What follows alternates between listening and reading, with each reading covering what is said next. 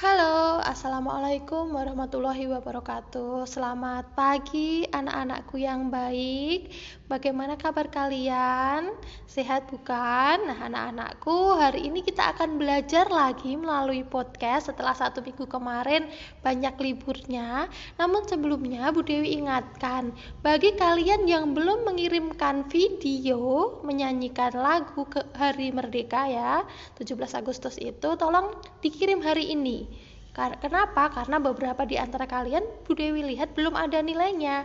Itu Bu Dewi gunakan untuk nilai ulangan harian seni, budaya, dan keterampilan. Jadi hari ini Bu Dewi tunggu ya.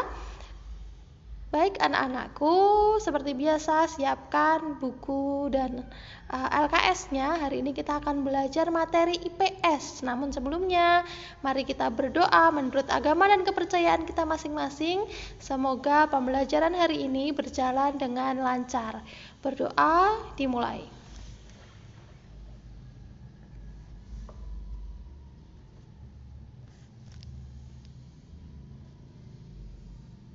Berdoa selesai. Nah, silahkan dibuka LKS-nya halaman 21. Bu Dewi ulangi halaman 21. Silahkan dibuka. Sudahkah? Sudah ya? Nah, di halaman 21 kita akan menemukan materi tentang kegiatan ekonomi. Apa toh kegiatan ekonomi itu? Kegiatan ekonomi adalah tindakan manusia untuk memenuhi kebutuhan atau untuk mencari kemakmuran dengan menetapkan pilihan yang setepat-tepatnya. Jadi seluruh kegiatan manusia yang bertujuan untuk memenuhi kebutuhan atau mencapai kemakmuran itu disebut kegiatan ekonomi. Nah, anak-anakku, kegiatan ekonomi itu yang utama ada tiga macam, yakni produksi, konsumsi, dan distribusi. Coba disimak ya di halaman 21 di garis bawahi produksi ya garis bawah dulu. Produksi adalah kegiatan manusia menghasilkan barang atau menambah daya guna barang dan jasa. Di garis bawah, produksi adalah kegiatan manusia menghasilkan barang atau menambah daya guna barang dan jasa. Contohnya, kegiatan produksi ya di bidang pertanian. Petani mengerjakan sawah sehingga menghasilkan padi, menghasilkan sayur-sayuran, menghasilkan buah-buahan. Lalu di bidang perikanan, misalkan nelayan menangkap ikan. Nah, itu yang dihasilkan adalah ikan, bisa kerang, bisa kepiting, cumi-cumi ya. Lalu di bidang industri misalnya membuat roti, membuat minuman. Nah, lalu orang-orang yang melakukan kegiatan produksi disebut produsen. Disebut apa? Produsen. Orangnya disebut produsen, kegiatannya disebut produksi. Nah, anak-anakku, intinya kegiatan produksi itu adalah kegiatan yang menghasilkan barang ataupun menambah nilai guna suatu barang. Misalkan nih, dari kapas menjadi kain. Nah, kapas nilai gunanya ditingkatkan menjadi kain. Itu sudah disebut sebagai produsen. Lalu dari kain diubah menjadi baju misalkan. Itu juga menambah nilai guna dari kain menjadi baju. Kegiatan itu disebut kegiatan produksi. Selanjutnya, yang kedua adalah kegiatan konsumsi. Apa itu kegiatan konsumsi? Boleh digaris bawah ya di LKS-nya. Konsumsi ialah pemanfaatan barang dan jasa untuk memenuhi kebutuhan sehingga kegunaan barang atau jasa itu secara berangsur-angsur maupun sekaligus habis. Ya, jadi kegiatan menggunakan barang atau jasa itu disebut Eh, konsumsi. Orangnya, orang yang menghabiskan nilai barang atau jasa itu disebut konsumen. Misalnya makan roti. Tadi kan roti dibuat di pabrik ya. Proses pembuatannya disebut produksi. Orang yang membuat produsen. Lalu e, barangnya itu kita beli. Nah, rotinya dibeli kita, dibeli Bu Dewi, lalu dimakan sama Bu Dewi. Kegiatan menghabiskan roti atau menghabiskan barang itu disebut kegiatan konsumsi. Nah, Bu Dewi yang makan roti disebut konsumen. Sudah paham ya? Lalu mengurangi nilai guna suatu barang misalkan yang tadi kan roti kan langsung habis ya, menghabiskan itu langsung habis. Kalau mengurangi nilai guna dari uh, tas misalkan Bu Dewi beli tas baru lalu dipakai Bu Dewi ke sekolah setiap hari. Uh, itu juga merupakan kegiatan konsumsi. Bu Dewi yang menggunakan tas yang dibuat oleh pabrik tadi, oleh orang-orang di pabrik yang diproduksi tadi disebut konsumen. Oke, yang ketiga adalah distribusi. Boleh digarisbawahi ya, distribusi adalah kegiatan usaha menyalurkan barang dari produsen kepada konsumen. Digarisbawahi. Diulangi ya, distribusi itu adalah kegiatan usaha menyalurkan barang dari produsen kepada konsumen. Contohnya, barang-barang hasil industri kebanyakan kan dibuat di kota, tetapi orang di desa membutuhkan barang tersebut. Lalu barang tersebut harus dibawa dari eh, apa dari kota menuju ke desa lewat saluran distribusi. Pedagang, agen, grosir dan lain-lain. Orang yang melakukan kegiatan distribusi disebut sebagai distributor. Nah, itu tadi tiga kegiatan Bu Dewi rangkum ya. Yang pertama produksi itu membuat atau menambah nilai guna suatu barang. Orang yang melakukan produksi disebut produsen. Konsumsi adalah kegiatan memanfaatkan barang dan jasa untuk memenuhi kebutuhan.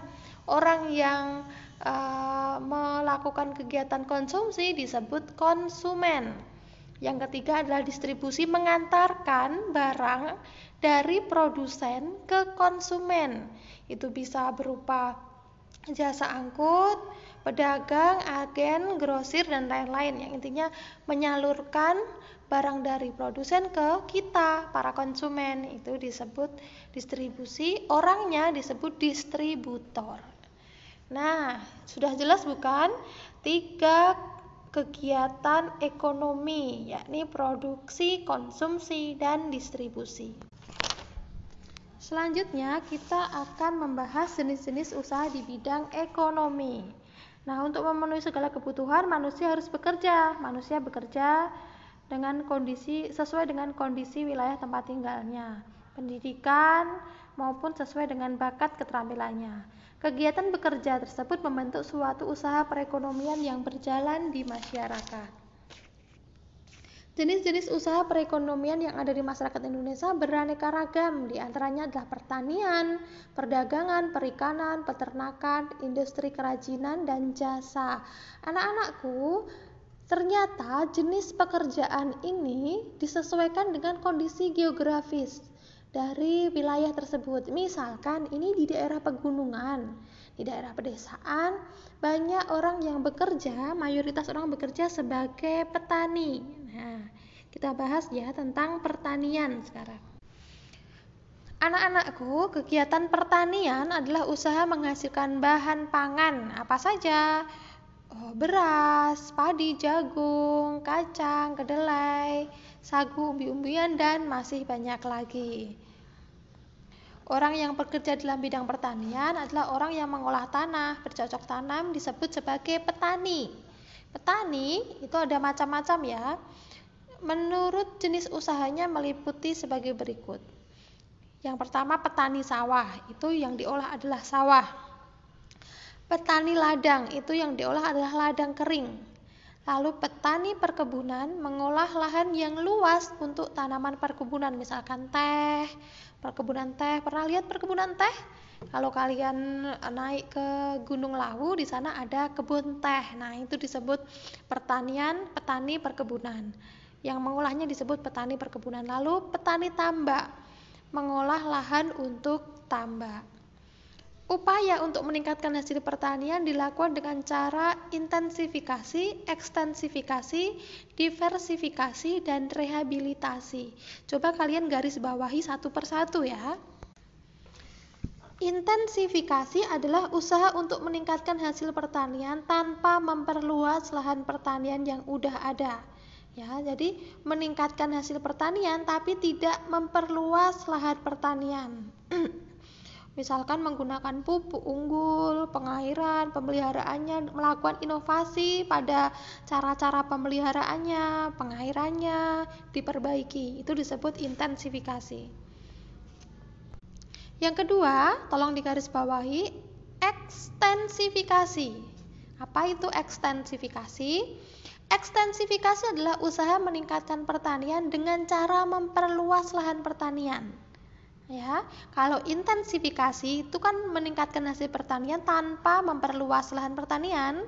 Berbeda kalau in, ekstensifikasi itu meningkatkan hasil pertanian dengan cara memperluas lahan pertanian biasanya dilakukan di luar Pulau Jawa ya. Kenapa? Kalian kan masih ingat kemarin di pembelajaran uh, tema 1 bahwa Pulau Jawa itu adalah pulau dengan tingkat kepadatan tertinggi di Indonesia. Jadi biasanya ekstensifikasi ekstensifikasi ini dilakukan pemerintah di luar Pulau Jawa melalui kegiatan transmigrasi di Sumatera, Kalimantan, Sulawesi dan juga di Papua. Baik anak-anakku, langsung ke yang keempat yaitu diversifikasi. Apa itu diversifikasi? Diversifikasi adalah usaha meningkatkan hasil pertanian dengan cara memperbanyak jenis tanaman pada suatu lahan pertanian. Diversifikasi itu tujuannya agar saat panen petani tidak hanya menghasilkan satu jenis tanaman, Nah, sekali panen biasanya petani dengan menggunakan cara diversifikasi, mereka akan memanen beberapa jenis tanaman. Misalkan, dengan melakukan sistem tumpang sari, yaitu menanam beberapa jenis tanaman secara bersama pada lahan yang sama.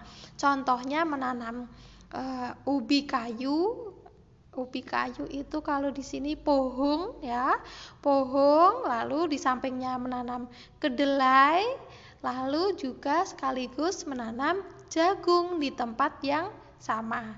Jadi saat panen mereka akan tidak hanya akan mendapatkan ubi kayu, tidak hanya mendapatkan kedelai, tidak hanya mendapatkan jagung, tapi mereka akan memanen tiga jenis uh, tanaman. Lalu yang keempat adalah rehabilitasi rehab direhabilitasi. Apa itu rehabilitasi? Rehabilitasi adalah usaha meningkatkan hasil pertanian dengan cara memperbaharui cara-cara pertanian yang ada atau mengganti tanaman yang tidak produktif lagi. Misalkan nih, sawahnya sawah tada hujan. Sawah tak ada hujan hanya bisa digunakan pada saat musim hujan. Pada saat musim kemarau, sawah tak ada hujan tidak dapat ditanami karena tidak ada pengairan. Lalu dilakukan uh, perubahan sistem menjadi sawah irigasi. Dengan sawah irigasi, maka uh, lahan juga dapat ditanami tanaman pada saat musim kemarau ya karena menggunakan sistem irigasi. Selain itu, juga dapat dilakukan dengan mengganti tanaman yang sudah tua dengan tanaman yang baru dan mengganti tanaman yang tidak menguntungkan dengan tanaman yang lebih menguntungkan. Misalkan uh, menanam kopi. Kopi jenis A itu dirasa kurang menguntungkan, maka petani akan mengganti tanaman kopi jenis A dengan tanaman kopi yang lebih menguntungkan atau laku di pasaran. Nah, kegiatan tersebut disebut sebagai kegiatan rehabilitasi. Nah, itu anak-anakku Uh, Bu Dewi harapkan kalian memahami apa itu intensifikasi, ekstensifikasi, diversifikasi, dan rehabilitasi. Sudah digarisbawahi bukan? Nanti bisa dibaca ulang. Lalu kita lanjut dari pertanian ke perdagangan. Perdagangan adalah kegiatan usaha yang menyalurkan barang dari produksi produ, barang produksi dari produsen ke konsumen. Ya, tadi di depan ada kegiatan uh, distribusi kan. Nah, di perdagangan ini menjual barang ke konsumen. Untuk apa kegiatan uh, jual beli ini tentunya untuk mendapatkan keuntungan. Nah, perdagangan perdagangan ini ya menurut tempat usahanya dibedakan menjadi tiga macam menurut tempatnya, yakni pedagang tetap, ya, pedagang yang memiliki tempat yang tetap, misalnya di pasar, di ruko, di toko, di rumah, di warung, di mall, di supermarket. Nah, kalau maaf, kalau ada tempat tetap tidak berpindah, ada tempatnya, itu disebut sebagai pedagang tetap. Lalu pedagang asongan, yakni pedagang yang tidak menetap dan berdagang dengan cara berkeliling. Dia berdagang dengan cara berkeliling, itu disebut sebagai pedagang asongan. Yang ketiga adalah pedagang kaki, kaki lima, pedagang yang tidak menetap dan berpindah-pindah tempatnya. Contohnya ini pedagang di pinggir jalan raya atau trotoar. Berbeda dengan asongan ya.